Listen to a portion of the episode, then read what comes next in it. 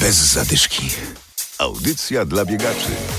Usypany dla uczczenia zwycięskiego powstania wielkopolskiego i przyłączenia regionu do niepodległej Polski. Kopiec Wolności został otwarty 3 maja 1919 roku. Dziś wygląda trochę inaczej niż przed laty.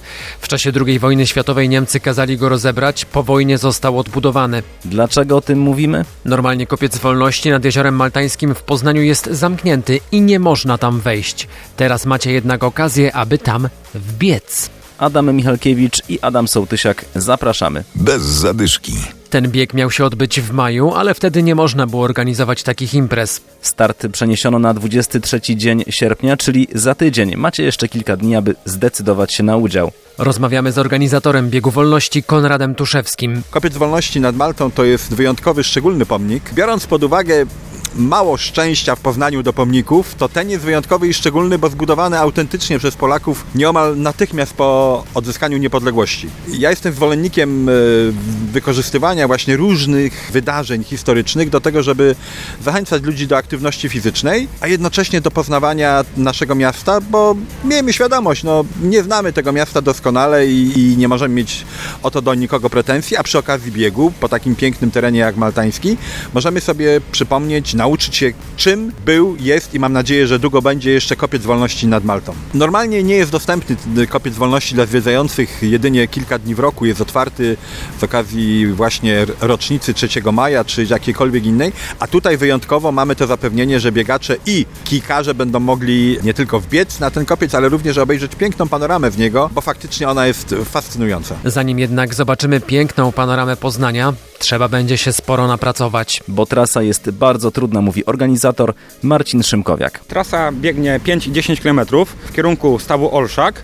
Następnie zawracamy na 5 i 10 km z powrotem i wbiegamy na sam szczyt Kopca Wolności, co jest bardzo wyjątkowe. Najtrudniejszy bieg. Jeden z trudniejszych w Polsce, ponieważ no, same przewyższenia o tym mówią. I to wiadomo, że można biec na rysy oczywiście, ale e, tu mamy Kopiec Wolności w Poznaniu i na pewno tutaj, jeżeli chodzi o E, o sam podbieg na szczyt Kopca Wolności, to jest to bardzo trudne wejście. Doświadczenia i z tego, co widziałem już wcześniej, no to po prostu nawet najlepsi zawodowcy na końcu wchodzą. Ale za to satysfakcja na mecie będzie jeszcze większa. Trzymamy kciuki za biegaczy i za kijkarzy. Drugi bieg wolności miał się odbyć 3 maja, będzie 23 sierpnia. To impreza pod naszym patronatem. Bez zadyszki. Teraz przenosimy się do Gniezna. A jeśli Gniezno, to oczywiście wrześniowy bieg Lechitów. Zawody odbywają się nieprzerwanie od 1978 roku. Jeszcze rok temu nikt nie przypuszczał, że w tym roku po raz pierwszy w historii biegu nie będzie, bo wybuchnie epidemia. Organizator biegu Lechitów Andrzej Krzyścin. Do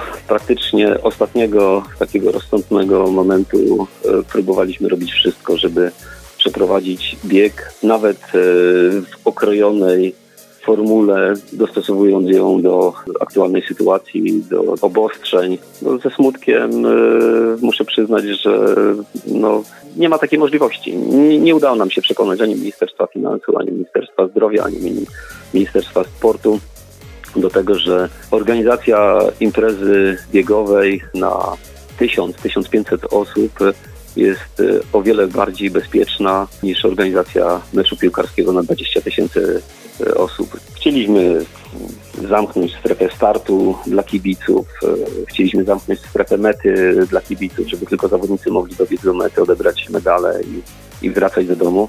Nie dostaliśmy takiej zgody. W tym roku bieg Lechitów odbędzie się wirtualnie. Prawdziwy i wyjątkowy będzie jednak medal. Mamy nadal bardzo, bardzo fajny pomysł na dwuletni mm, program prezentujący drzwi gnieźnieńskie. W tym roku na medalach i koszulkach oraz materiałach promocyjnych biegu będzie jedno skrzydło drzwi gnieźnieńskich, w przyszłym roku drugie.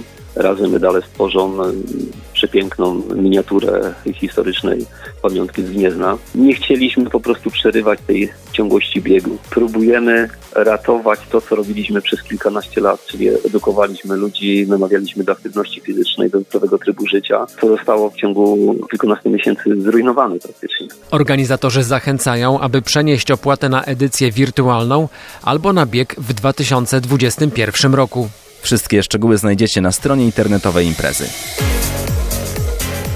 Bez zadyszki. Audycja dla biegaczy. Znajdź nas na Facebooku.